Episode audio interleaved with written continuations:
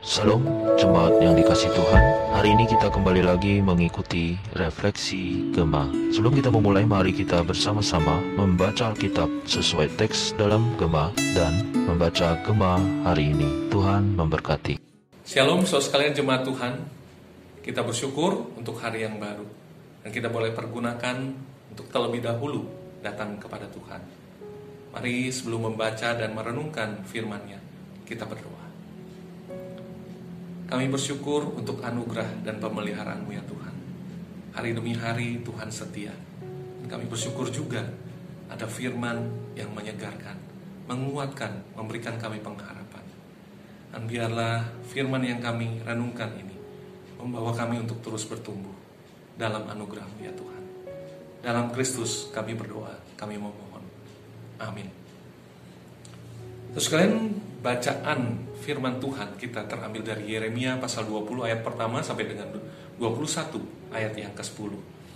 Saya akan membacakan bagi kita Yeremia 20 ayat 1 dan 2 dan ayat 10 serta ayat yang ke-11. Demikian firman Tuhan. Pasyur bin Imer, imam yang ada pada waktu itu, menjabat kepala di rumah Tuhan, mendengar Yeremia menubuatkan perkataan-perkataan itu, Lalu Pasyur memukul Nabi Yeremia dan memasungkan dia di pintu gerbang Benyamin yang ada di atas rumah Tuhan. Ayat yang ke-10. Aku telah mendengar bisikan banyak orang. Kegentaran datang dari segala jurusan. Adukanlah dia.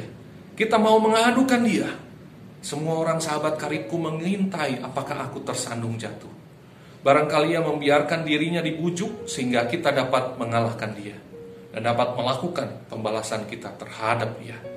Tetapi Tuhan menyertai aku.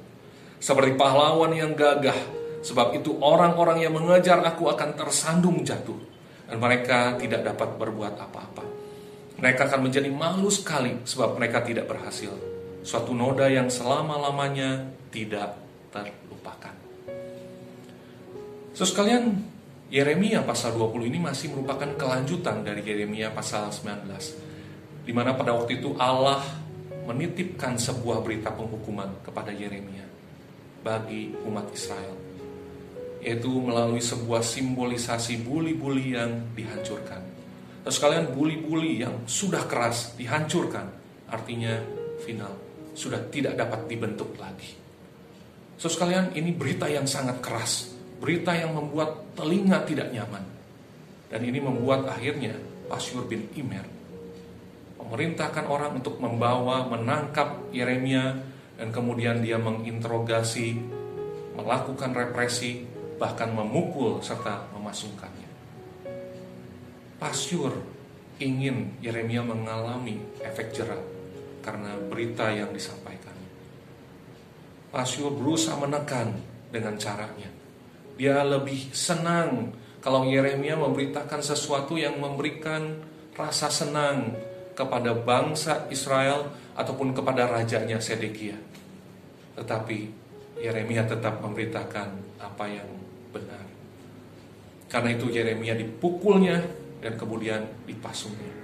Terus kalian dipukul, dipasung, itu sesuatu yang sangat tidak nyaman.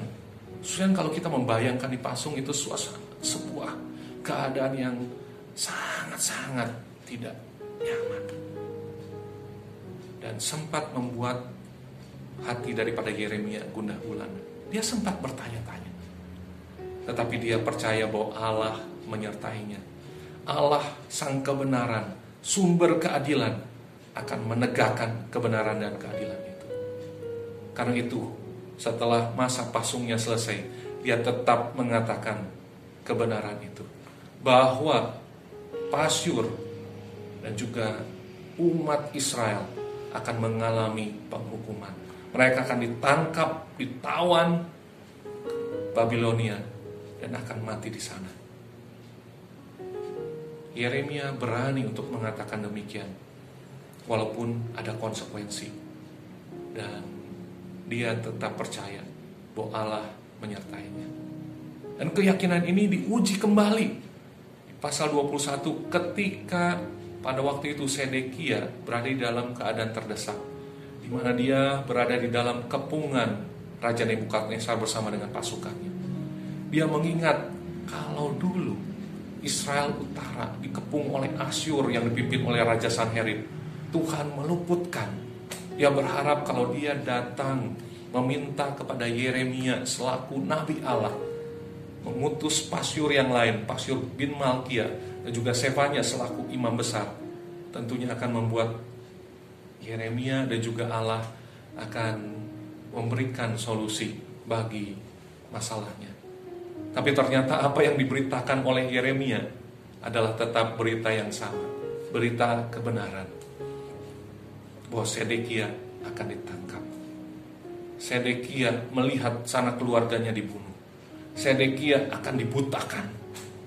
Bersama bangsanya ditawan. Wah ini tentunya sebuah berita yang sangat tidak diharapkannya. Tetapi Yeremia harus menyampaikannya. Karena dia tahu itulah kebenaran. Dia tidak mau kompromi. Walaupun dia menyadari ketika dia menyampaikan kebenaran itu, dia mungkin harus mengalami hal yang tidak menyenangkan. Tapi yang dia yakini adalah Tuhan adalah Tuhan yang benar. Tuhan, Tuhan yang adil. Dan Tuhan itu bersamanya.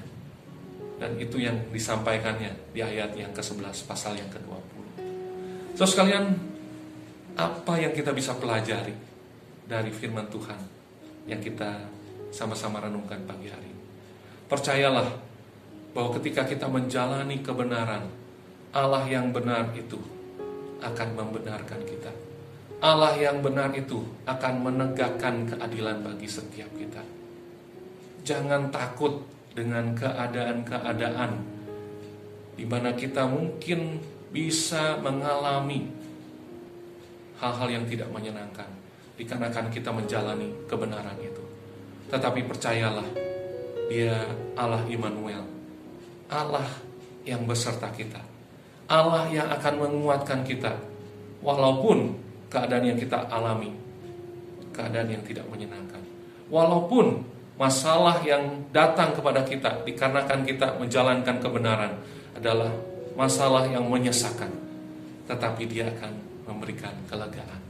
Dia akan memberikan kekuatan yang baru bagi setiap kita yang konsisten dan komitmen menjalankan kebenaran. Biarlah Tuhan menolong kita. Mari kita berdoa.